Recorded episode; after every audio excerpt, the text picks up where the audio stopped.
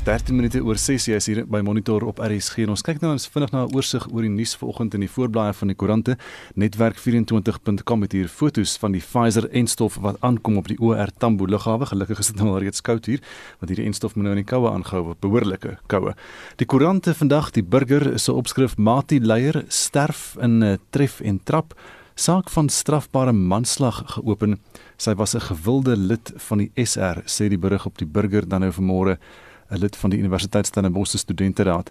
Saterdag in die vroeë oggendure is hy dood in hierdie treffentrap in Merriman Lane in Stellenbosch. Nomzano Buthelezi was 22 jaar oud, um, hoof van die verenigingsraad. En die storie is dan daar. Nog 'n berig, Mango vlug met ure vertraag oor brandstofprobleme die keer van George na Johannesburg Saterdagoggend. 2 uur lank het hy daar gestaan. Hulle het logistieke probleme genoem, maar is dit nou die brandstof wat hulle nie kon kry nie. Dan sien ek 'n foto van uh, Cyril versus Ice serie voorblad. Cyril Ramaphosa en Ice Magashule, wie gaan eerste die knie buig? Is die vraag daar. 'n Belangrike week breek aan vir die ANC. Die voorblad van Beeld vanmôre het die storie wat ook op die ander is, maar dit gaan nou oor die geblikte leeujag. Gruwelsteen leeu's op 'n einde krisie staak geblikte bedryf. Dis Barbara Krisie, die minister van omgewingsake wat daartoe nou 'n besluit geneem het oor hierdie leeujag. Trofeejag voortaan strenger gereguleer, maar die einde van die geblikte leeubedryf het nou aangebreek. Bewaringsorganisasies oefen al 24 jaar lank druk op die regering uit om die teel van leeu's in aanhouding en die neuwe bedrywe daaraan 'n interaksie met leeuwelpies in die handel en hulle beendere te verbied. En daar is nou so 'n foto van so jong brandsiek leeu daar en al die inligting uit die verslag is daar in die berig vanmôre. Dan ook 'n berig wat sê inenting min ouer as 60 het al geregistreer en dit gaan oor hierdie plek waar mense moet registreer om die enstof te ontvang. Net 500 000 Suid-Afrikaners ouer as 60 het nou al geregistreer om die enstof te kan ontvang. Ook 'n foto van die rugby, die Bullet en die Lions, uh Zakburger daar tydens die Reënboogbekerwedstryd Saterdag op Loftus Versveld en al die berigte daaroor die sport ook. Volksblad se digitale voorblad het dan eh, stories uit die Vrystaat uit spesifiek en dit gaan oor hierdie moord hulle noem die Siemens moordspanning laai op in die verhoor daar en daar word vrae gevra vra van die advokaat so bitsig dat die regter moes keer. Nog 'n berig oud Grey Els veg teen COVID-19. Alex Els is 19 en dan is hier 'n foto van 'n huis wat brand hier um, groot brandskade. Uh die sakeman Oupa Mokoena uh, sy huis daar in die stad. Moneyweb.co.za het berigte oor 'n uh, eh, klomp nee stemme op Steinhoff se algemene jaarvergadering hoe om nie 'n lugdienste bedryf nie oor Mango. Business uh, Day se voorblad het 'n storie oor die DA wat vra vir 'n um, uh, ondersoek na hierdie tender wat uitgereik is vir hierdie kragskepe van Turkye af wat in die hawens gaan staan. Want dit was nou baie interessant wat hier ontvou daar's die maatskappy wat nie die tender gekry het nie, het hofstukke ingedien met al die besonderhede oor hoe Guedemantashe se amptenare glo wou omkoopgeld of so iets sê, al word nie so direk gesê nie. BBC.com het internasionale nuus uit Indië natuurlik daar waar daar die COVID-19 pandemie erg gewoed. Uh Modi verloor ook dan daar in een van die state te midde van hierdie vlag van COVID-19 Narendra Modi in Indië. En dis net so vinnige oorsig oor vanmôre se nuus. Volgens die Wêreldekonomiese Forum wil 65% van werkers wat tans tuiswerk nie terugkeer na hulle kantoor na COVID nie. Hulle grond hierdie aanname op 'n studie wat die organisasie FlexJobs uitgevoer het. Dit het bevind dat mense voel dat hulle tyd en geld spaar deur nie werk toe te ry nie. Tog het hulle ook gesê hulle werk nou harder en hulle word makliker uitgebrand. Ons wil vanoggend by jou weet, sal jy terugkeer werk toe? Wil jy terugkeer werk toe of wil jy liewer tuis werk? Stuur vir ons 'n SMS na 45889, dit kos R1.50 of gaan na facebook.com COM vorentoe skynstreep ZRC of WhatsApp vir ons stemnota na 0765366961 0765366961 17 na 6 en inwoners van woonstelle rondom 'n pakhuis wat Saterdag aand in Volsburg in Johannesburg aan die brand geslaan het sê hulle het tydens die brand gevrees vir hulle lewens Die pakhuis met sy 6 verdiepings het groot brandskade opgedoen en Anne Marie Jansen van Vuren berig. Laat Saterdag aand het 'n reuse brand al 6 verdiepings van die pakhuis in puin gelê. Al het die brandweer die hele aand lank die brand beveg, het daar Sondagoggend steeds rookwolke bo die pakhuis uitgestyg. Inwoners van die woonstelblokke rondom die pakhuis sê hulle was bang omdat die nooddienste nie betyds gereageer het nie. So vertel Pieter Pakgati. It was terrible, horrible. We really saying we are right in the CPD. How can the fire brigade fail to stop such a small fire in the middle of the Johannesburg? We are really worried about that because uh, they're only reacting now or later. They, they, they, they, they took it lightly, I would say that, you know, because even the flat nearly caught a fire yesterday. I was uh, very scared. Even if you go inside the complex, everybody was scared and they are still scared.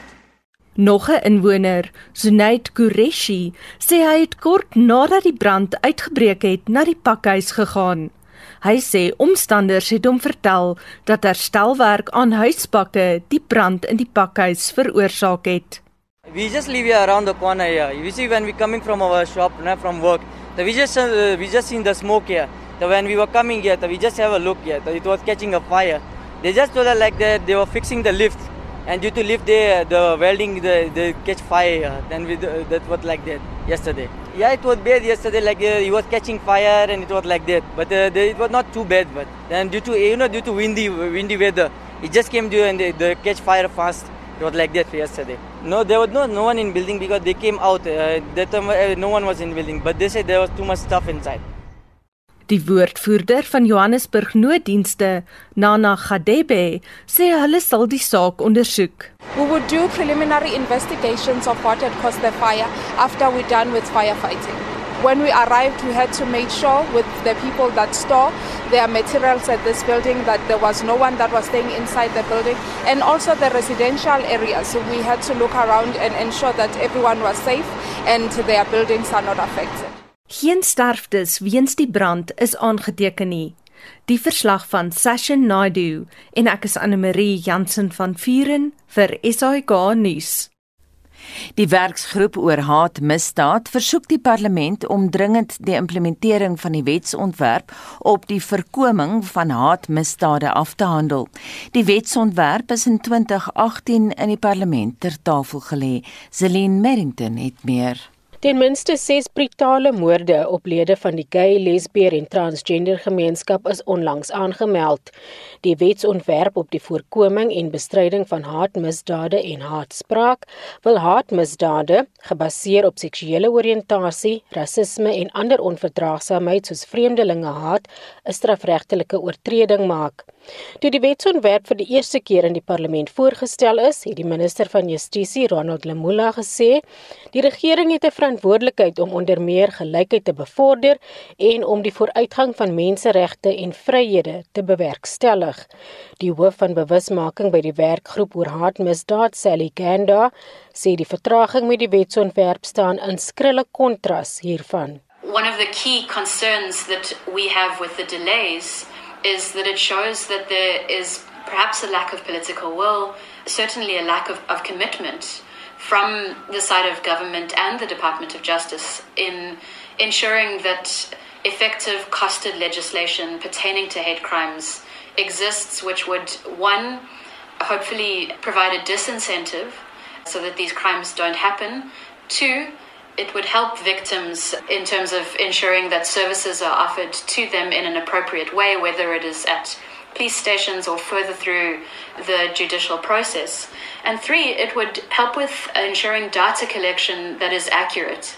We're all aware that the crime stats every year are published and there is some disaggregation of those stats, but having specific statistics relating to hate crimes would certainly help in the allocation of resources when dealing with these types of crimes.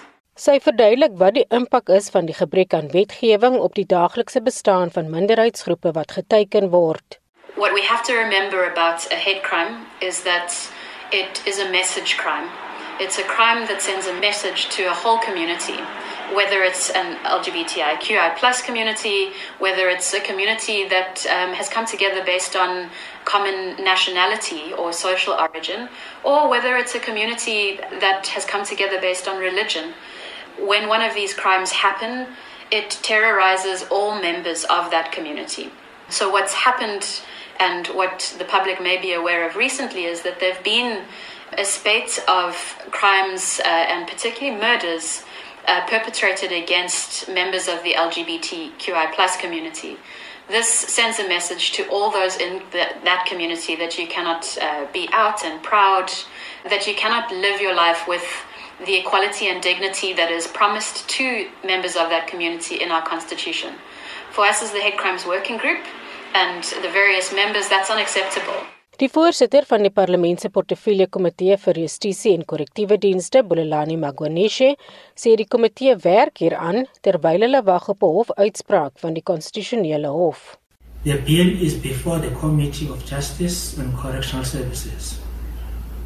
We are still awaiting the judgment of the Constitutional Court in the case of Mr. John Kwelane versus the South African Human Rights Commission and another. We believe that the judgment will have a bearing on some aspects of the bill. Once the court has handed down the judgment, we will start to process the bill as speedily as we can. Die wetsontwerp stel voor 'n haatmisdaad sal as verswaarende omstandighede geag word wanneer uitspraak op die basiese misdaad gelewer word. Dit stel verder voor haatspraak het 'n boete of tronkstraf van tussen 3 en 5 jaar as straf. Zelene Merrington, Parlement. Dis nou so 24 minute oor 6 in die rolprent Toerbos het 9 benoemings vir die Suid-Afrikaanse rolprent en televisie toekenninge, dis nou die SAFTAs ontvang. Kort op Toerbos se hakke is die rolprent Griekwa stad en dan ook stam wat elk in 7 kategorieë benoem is. Aan die televisiekant het SABC 2 verskeie benoemings losgeslaan. Anne Marie Jansen van Vieren doen verslag. Die televisiereeks vir Riviera is benoem in die kategorie vir beste regie, kinematografie, klank en produksieontwerp. Die vleiende springbokkie is weer benoem vir kostuums, grimering en haarstelering asook produksieontwerp. Chanel De Jager is benoem as beste aktrise vir Kniediep in die warm water, nog 'n SAK reeks. Sjoe, ek was baie verbaas toe ek hoor ek is benoem. Maar geen benoeming is noemenswaardig as mens nie ook jou mede-akteurs bedank nie. So vir Jacques Humboldt, son wie ek so heerlik gespeel het en so baie gelag het. Baie dankie vir jou en die hele ensemble van PE wat hierdie projek so spesiaal maak is dat dit was nie in een van die groot stede geskied nie, dit was in PE geskied. Sy sê komedie is eintlik een van die moeilikste kategorieë om in mee te ding die woord komedie vir my sommer 'n rilling want dit is so absolute fyn kuns. Dit is moeiliker as drama. Mense dink dit is andersom, maar dit is nie. Want wat vir my snaaks is, is dalk vir jou snaaks nie en situational comedy, die situasie is klaar lagwekkend. So as akteur moet jy nog steeds die rol dra met waarheid en al is die situasies baie keer absoluut belaglik, die manier wat jy dit vertolk moet nog steeds eg wees. So hier in Suid-Afrika kom al 'n lang pad soos Ork nie snork nie en al daardie tipe wonderlike sitcoms en ek hoop regtig ons sal nog baie meer van hulle kan maak. Die speletjies program Noot vir Noot wat al meer as 15 jaar op SAK televisie uitgesaai word, is benoem in die kategorie Beste Vermaaklikheidsprogram. Noot vir Noot se aanbieder, Emu Adams. Wat 'n eer is dit om genomineer te word vir die SAFTAs dit wys net weer uit dat die legendariese Johan Stemmet weet net hoe. Behalwe Johan wil ek ook sê baie dankie aan 'n Stemburg familie en my partner en co-host in crime, Rochelle de Bruin aka DJ Shelly. Dankie vir een en elkeen wat inskakel. En die immer gewilde sewende laan is benoem as beste sepie. Carolina. Dis ons Melina Kap se dogter. Ja, meneer. Om ooit 'n spook uit 'n boom sien klim. Die rolprent Toerbos is met 9 benoemings vereer, onder meer in die kategorieë Beste Draaiboek, Toneelspel, Redigering, Kunsregie, Klankontwerp en Musikale Klankbaan, waarvan ons nou 'n uittreksel hoor.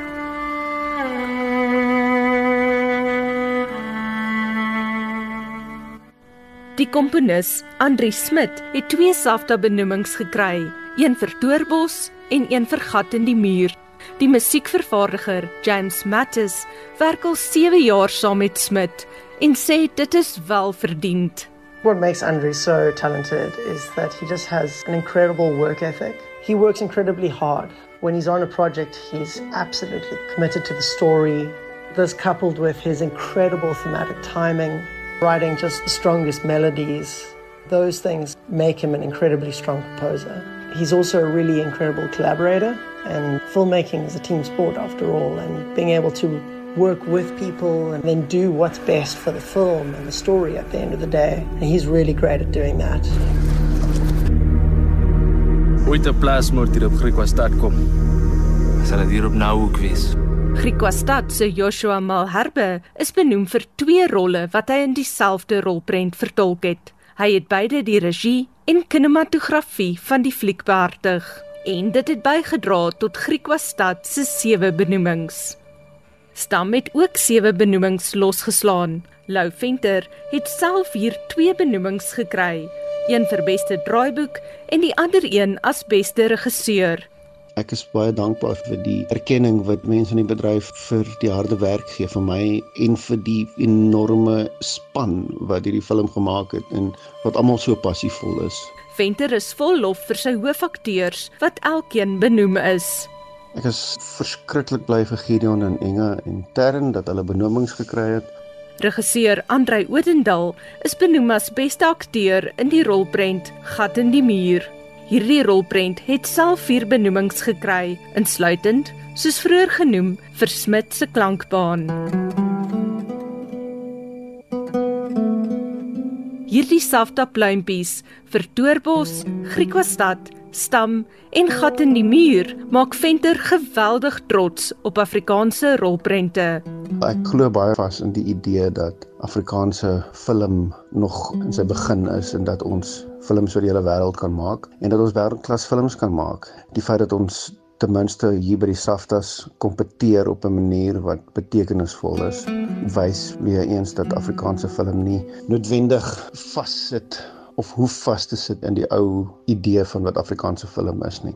Die regisseur van die rolprent stam, Lou Venter.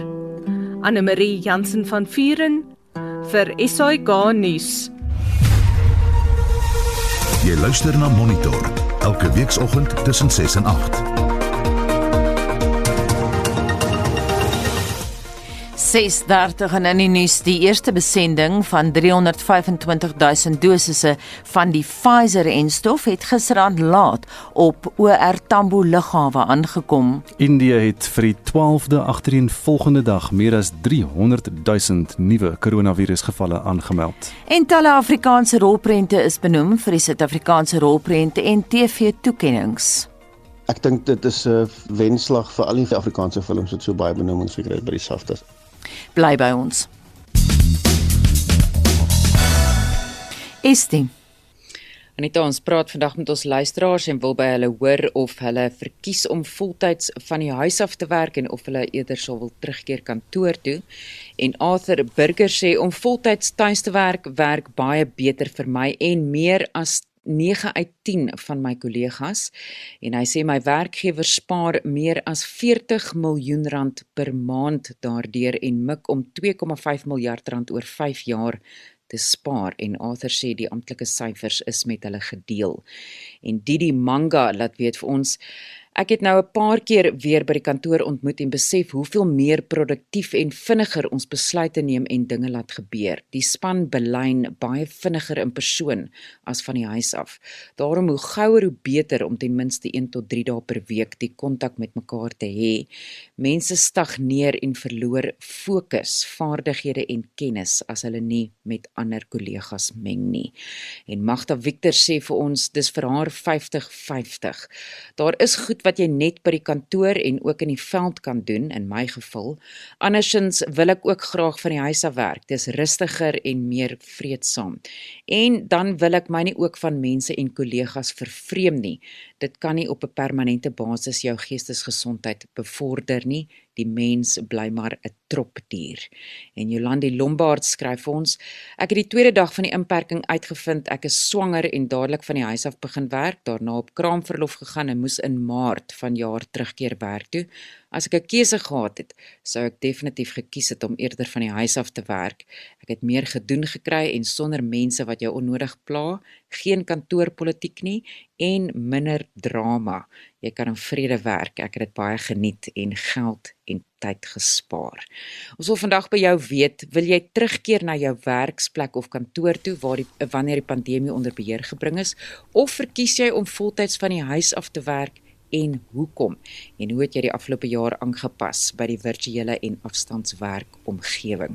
Stuur vir ons 'n SMS by 45889 onthou dit kos R1.50 per SMS gesels saam op ons Facebookblad by facebook.com vorentoe skynstreep ZARSG of WhatsApp vir ons stemnota na 076 536 6961 24 voor 7 en hier is Shaun Jooste nou met 'n samevatting van die jongste sportnuus. Ons loer vanoggend na van die naweek se uitslae en spring weg met atletieknuus. Die Suid-Afrikaanse 4 by 100 meter span het uitstekend by die wêreldafloskampioenskappe in Pole gevaar en die goue medalje in 38.71 sekondes verower. Baie geluk aan die span wat uit Akadi Simbine, Clarence Munyai, Gift Leotlela en Tando Dlotlo bestaan het. Op die rugbyveld het die Suid-Afrikaanse been van die Reënboogbeker reeks Saterdag afgeskop. Die Stormers het hulle veldtog met 'n 33-30 nederlaag in Kaapstad teen die Sharks begin, terwyl die Bulls hulle reeks met 'n 24-9 oorwinning oor die Lions begin het. Die Brumbies het die voor Saterdag in die Australiese binnelandse Super Rugby reeks met 21-9 geklop en hulle plek in eerskomende Saterdag se eindstryd teen die Reds geboek. Die rondom talie wedstryde in die Nieu-Seelandse Aotearoa reeks is ook nou voltooi. Die Crusaders en Chiefs het na daardie eindstryd deurgedring. Cricket. In gister se EPL wedstryde het die Delhi Capitals die Punjab Kings met 7 paaltjies verslaan en is voorlopig weer bo aan die punteleer op 12 punte na 8 wedstryde. Die Protea snelbouler Kagiso Rabada het sy deel vir Delhi gedoen en met balsyfers van 3 vir 36 geëindig. Die Rajasthan Royals het die Sunrisers Hyderabad ook met 55 lopies afgeransel het die Protea veelsidige speler Chris Morris wat 3 paaltjies vir Rajasthan plat getrek het. Sri Lanka kort net 5 paaltjies en Bangladesh 260 lopies om die tweede en laaste toets asook die reeks te wen. Vandag is ook die laaste dag. Motorsport. Die Brit Lewis Hamilton het gister in Portugal vir die 97ste keer in sy Formule 1 loopbaan eerste oor die wenstreep gejaag en sy voorsprong op die punteleer oor Max Verstappen van Nederland wat tweede geëindig het na 8 punte gereg. Sy Mercedes spanmaat Valtteri Bottas van Finland het derde geëindig. Die Aussie Jack Miller was die wenner van die MotoGP wedren in Spanje met die Italianers Francesco Bagnaia en Franco Morbidelli tweede en derde. Suid-Afrika se Brad Binder kon nie die wedren voltooi nie en sy broer Darren het 22ste in die Moto3 wedren geëindig. Sokker. In die DStv Premier League het Mamelodi Sundowns die eerste plek op die punteleer teruggeneem toe hulle Orlando Pirates gister met 3-0 afgedraf het. Golden Arrows het Saterdag met 1-0 deur AmaZulu geklop en Bloemfontein Celtic en Kaizer Chiefs het 2-1 gelyk opgespeel.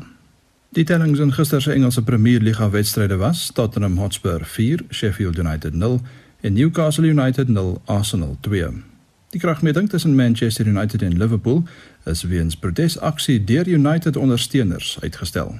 Tennis In gister se tweede ronde van die vroue Madrid Ope het die Tsjeeg Karolina Machova die tweede gekeerde Naomi Osaka van Japan in 3 stelle en die Rus Anastasia Pavlyuchenkova die 60 gekeerde Tsjeeg Karolina Pliskova in 3 stelle uitgeskakel. Die nommer 3 en 5, Simona Halep van Roemenië en Arina Sabalenka van Belarus is deur na die derde ronde.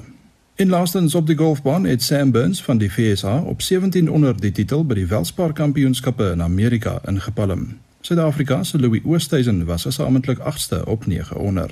Die Suid-Afrikaner Dean Burmester het die trofee by die Tenerife Ope in Spanje na 'n vlekvrye laaste ronde gelig en die toernooi op 25 onder geëindig. Dit is sy tweede Europese toer oorwinning. JC Ritchie het na 'n valbestryd teen Jacques Blau koning gekry by die Sonskynreeks se Kaapstad Ope. En Aya Kim van Suid-Korea op 17 onder het met die Laure by die LPGA Tour se vroue wêreldkampioenskappe in Singapore weggestap. Suid-Afrika se Ashley Buy was gesamentlik 57ste op 5 oor. Shaun Schuster, SAK Sport.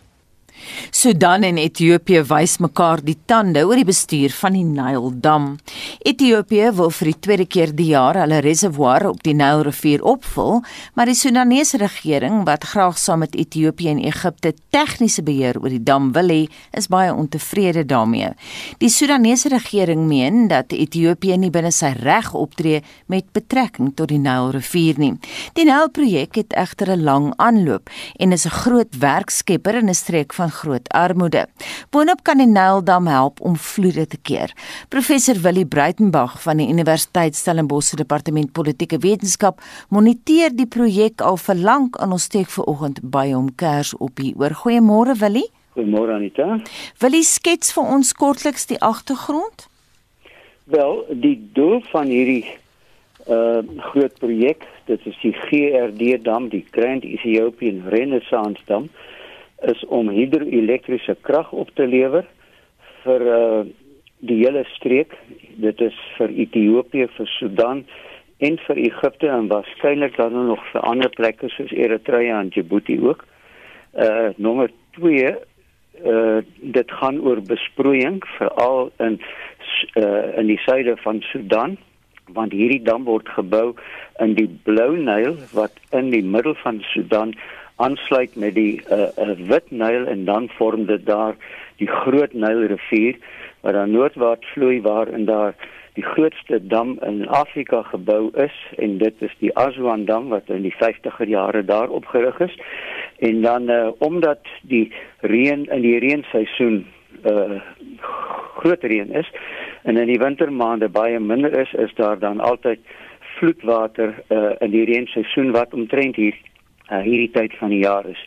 So hierso by uh, die middel van die jaar rond onthou hulle is in die noordelike halfrond. Mm. So, so dit is die dit is die, die doel daarvan en uh, die Ethiopiese regering het op so 'n dam besluit uh dit sal uh, die hoeveelste dam wees wat al reeds in een van daardie drie Nylriviere, dis die Blou Nyl, die Wit Nyl en wat dan saam by Khartoum omdurman by mekaar kom.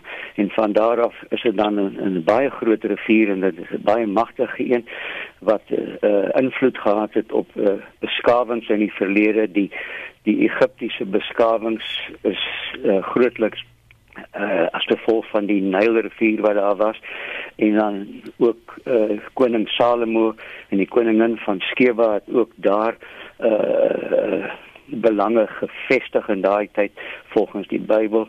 Uh dit is die voorsate van byvoorbeeld die Koptiese Ethiopiese Koptiese kerk.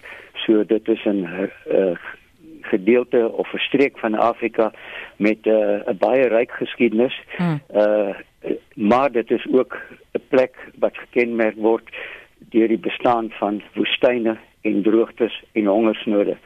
Daarom kan daar amper nie uh, genoeg gedoen word om juist die uh, Nyl uh, op te dam sodat uh, honger en armoede daardeur gekeer kan word nie. So het dan nou geword dat die uh dat daar reeds verskillende ooreenkomste gesluit is uh oor die bou van die damme. Die belangrikste het te maak met die bou van die Aswan dam in uh 1958 toe uh, die toe die Egiptenare besluit het om so 'n groot dam te laat bou. Hulle die hulle het die voormalige koloniale moondheid Brittanje uh, as ook uh, die FSA en die Wêreldbank gevra om om uh, dit te finansier en uh, uh, dit het om een of ander rede nie deurgegaan nie maar dit was in die tyd toe generaal Nasser die president in Egipte was en hy het baie 'n uh, radikale buitelandse beleid gevolg met betrekking tot die bevordering van byvoorbeeld Arabiese mm. belange en hulle toe die hy het toe die Sowjetunie ingenooi. En die Sowjetunie het die dam uh het ingestem dat die dam uh, gefinansier. En as Russiese tegnisie uh en ingenieurs wat die Aswan dam gebou het. En en dit sluit nou die baie belangrike uh verhaal af op hierdie punt. Nou het uh omdat dit omdat daar baie water spoel en laat ek net sê die uh, blou Nyl waarin hierdie dam kom wat nou so kontroversieel is die blou Nyl uh, verskaf oor die 80% van die water van die totale Nyl wat naderhand in die Aswan dan beland. Mm uh, met ander woorde slegs 20% kom van die Wit Nyl af. Dus die bron van die van hierdie baie water is in Ethiopië waar daar dan skynbaar genoeg uh, reën val in in die uh, uh, gebergtes wat die Tana meer vloei. Die die die bron van die water van die Blou Nyl is die Tana meer in Ethiopië terwyl die bron van die uh, Wit Nyl is die Victoria meer in die noorde van Uganda. Mm -hmm. Uh daar is alreeds verskillende ooreenkomste aangegaan oor die water. So was daar ene uh, in die koloniale tyd in die uh in 1929 en toe weer ene in 1969 nadat die damme gebou is en nadat die al die lande hier onafhanklik geword het. Onthou net dat uh, uh Egipte is 'n baie ou land. Hy het gedekoloniseer in 19 1922 reeds maar 1952 het generaal Nasser oorgeneem uh en dit is toe nou hy wat met mm. hierdie uh, redelike radikale agenda mm. gekom het mm. naamlik uh, wil hierdie groot dam oprig en dit is hoe die Chinese daarbey betrokke geraak het. Willie, nou, ons jo, moet by 'n ander vraag uitkom. Sudan soek 'n wettige en 'n bindende ooreenkoms wat nou gaan bepaal hoe die reservoir projek bestuur moet word. Hoe is dit dan moontlik? Hoe is dit moontlik dat daar geen bepalinge in die verband is nie? Ek is nie seker of dit heeltemal waar is nie want daar is 'n som totaal reeds van 13 damme in een in enige van daardie of in daardie drie Nylriviere gesamentlik.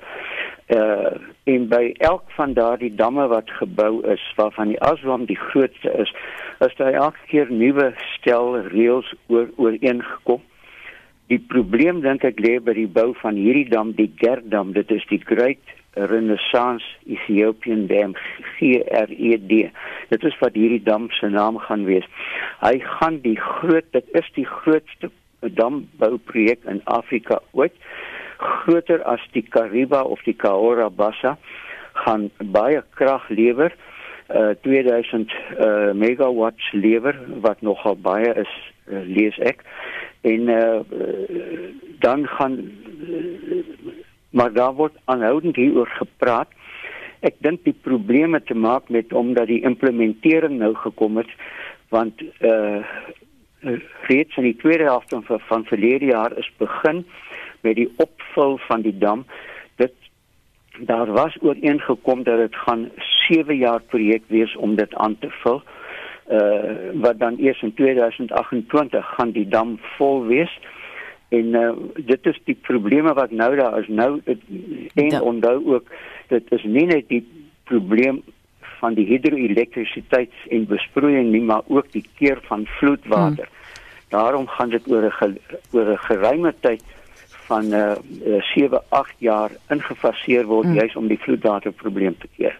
Baie dankie dit aan die mening van die Afrika spesialis professor Willie Breitenberg van die Universiteit Stellenbosch se departement politieke wetenskap. Dis nou 12 minute voor 7 jy luister na Monitor en burgerregte groepe dreig met hofaksie en om al wat 'n braaivleis virus word gemor oor die regering se aanstelling van 24 Kubaanse ingenieurs om uh, ons waterprobleme te kom oplos. Onlangs het professor Anthony Turton van die Universiteit van die Vrystaat se Sentrum vir Omgewingsbestuur gal gebraak oor die onwyse besluit wat boonop die land 65 miljoen rand gaan kos. 'n Voormalige uitvoerende direkteur van die Suid-Afrikaanse Instituut vir Siviele Ingenieurs, Dawie Botha, het die naweek vir Monitor laat weet dat dit egter nie die eerste keer is dat die ANC regering Kubaanse ingenieurs hierheen bring nie om die werk te doen nie en uh, ons praat praat nou ver oggend met Dawie verder oor goeiemôre. Goeiemôre Anita. Jy moes jare gelede 'n soortgelyke groep Kubaanse ingenieurs toespreek in Pretoria. Hulle was ook hier om te help met waterprobleme. Skets vir ons daai agtergrond Dawie. Uh Anita, ja, dit is seker 'n stuk of 12 of 14 jaar gelede al hoor. En uh toe het die regering 'n klomp uh, of 'n groep Kubaanse ingenieurs ingebring en die departement uh ek kan nie onthou watter een het ons genooi om met die mense te kom gesels. So ons het toe daar by die St George's Hotel hierdie hierdie groep mense ontmoet. Vir my was dit besonder moeilik want uh hulle verstaan nie uh uiteraard nie Afrikaans nie, maar ook nie Engels nie. En ek moes die hele tyd sit met oorfone op en tolk. En dan moet jy nou sit en wonder wat jy nou volgende gaan sê en jy het vergeet wat jy reeds gesê het. so dit is dit is glad nie 'n nuwe saak hierdie nie. Die mense is des, destyds uitgepos om dit so te stel aan 'n hele klomp uh, plaaslike bestuure om te gaan help met alles en nog wat onder andere water. En was hulle daai tyd van nut geweest het dit gewerk? Weet en nou ek ek vergeet 'n bietjie deesdae, hmm. maar ek sê so sê, uh daar het nooit weer 'n hand na gekraai nie. Ek weet nie wanneer hulle terug is Kiba toe nie. Ons het hulle uitgenooi om lid te word van ons instituut op 'n tydelike basis en hulle moes uit die aard van die saak ook registreer by die ingenieursraad maar daardie daardie saak het uh, sover ek weet maar 'n redelike stille dood gesterf uiteindelik. Dit is baie interessant as mense Latyns-Amerika toe gaan. Mense daar praat eenvoudig nie Engels nie. Jy praat of Spaans of niks anders nie. Maar uh Angelique Kutse, Dr. Angelique Kutse van Sama het op hierdie program gesê dat die dokters wat hulle hiernatoe gebring het, kan nie gebruik word in hospitale nie want hulle verstaan nie die Engels nie. So dis 'n herhaling van wat jy basies sê en dan boonop professor Turton het laasweek op monitor gesê hy glo dat ons ingenieurs hier in Suid-Afrika beter kwalifikasies het en dat hierdie Kubaanse projek polities gedrewe is. Nou jy sal weet wat die stand van ons ingenieurs se kwalifikasies is. Stem jy saam met Turton Dawie? Ek stem absoluut met hom saam en ek wil net gou ook iets uh, stel.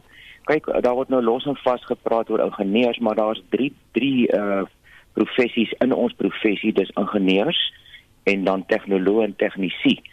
En ek uh, op daardie stadium was ons van mening dat hierdie mense se kwalifikasies nie werklik op ingenieursvlak uh is nie of van hulle in elk geval en dat dit eerder 'n uh, tegnoloog of tegnisi vlakke was wat niks waar, waarmee niks verkeerd is nie. Maar ons is inge, ingesluit in die Washington Accord, Dublin Accord, Sydney Accord en uh, dit is waar ons ooreenkom oor kwalifikasies uh, en dit is FSA uh, Verenigde Koninkryk en 'n paar ander lande. Net te loops ons is die sewende land wat daardie uh uh ooreenkomste geteken het. So dit wys net vir jou hoe hoe op watter vlak ons ingenieurswese in Suid-Afrika is. En uh ek ek glo nie Kiba is ooit naby daardie uh ooreenkomste gewees nie. En professor Turton het ook iets gesê van dat as hulle nie geregistreer is hier nie mag hulle nie werk as 'n ingenieur nie Ja, daar kyk daar's groot gedeeltes uh van van ingenieurswerk wat uh geregistreer of volgens wet waar jy geregistreer moet wees as 'n professionele ingenieur of professionele een van die ander uh professies.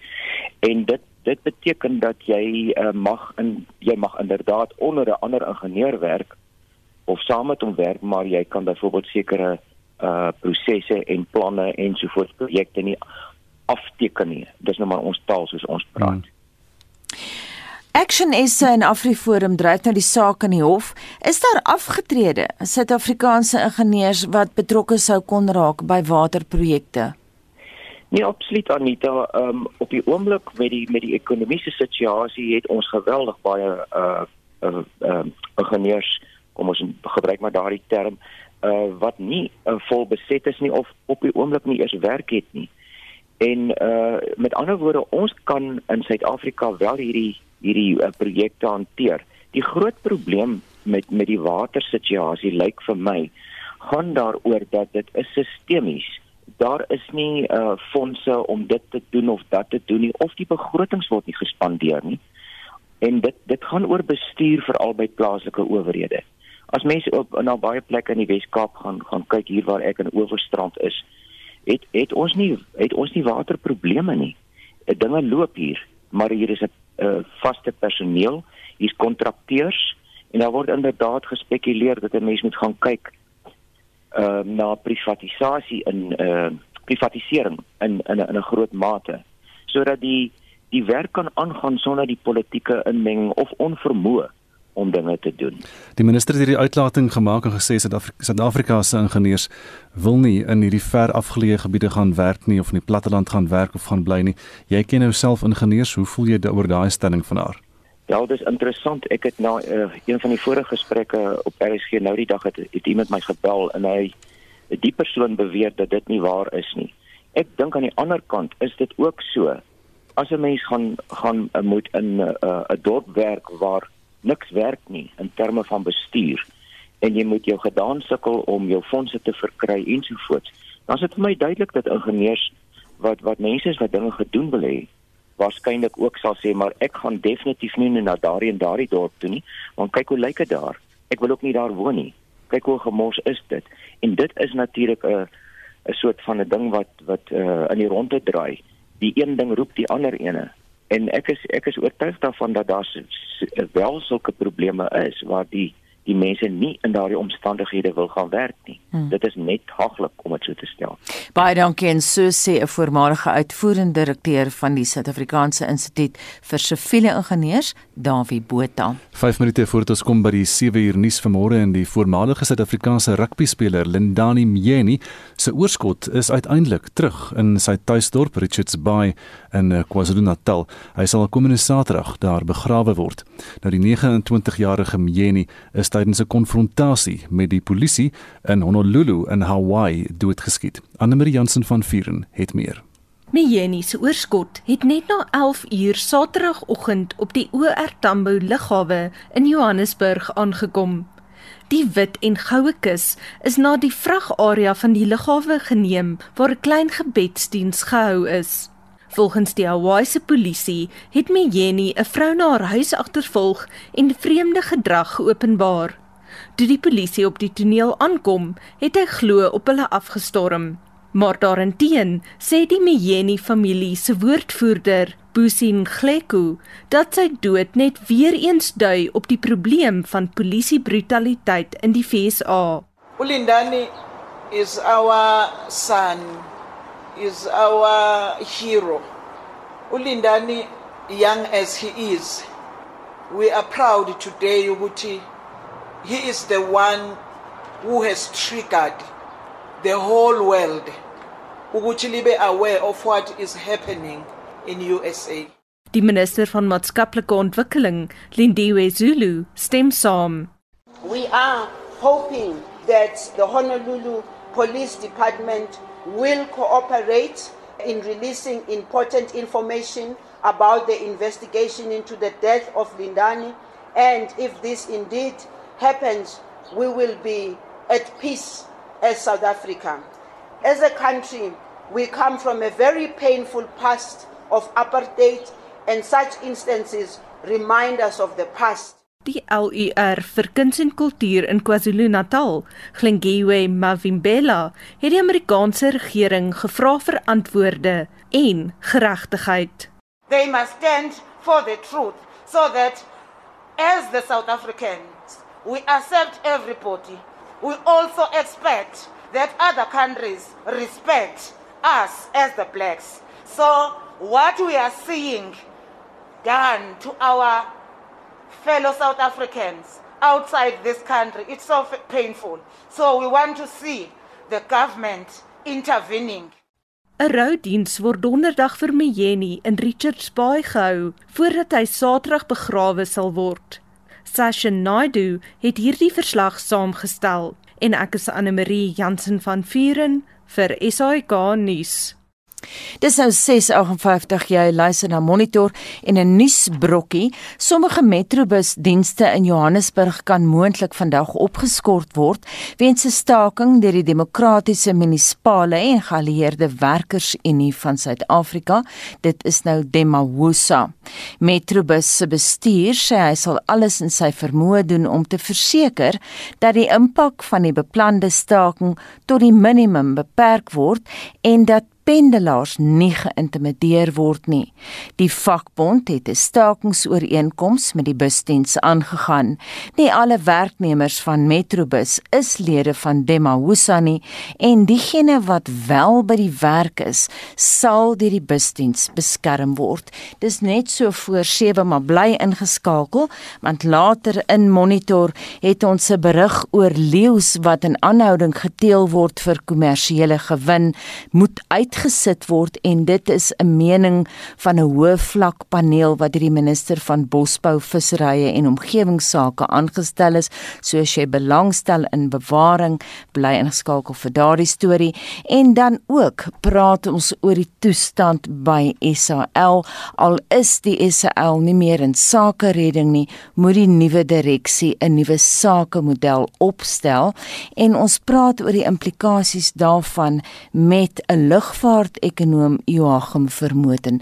Bly ingeskakel vir daardie stories. Intussen bring al daardie stories ons by 7:00 en Anne Marie van Bierk sit reg met die nuus.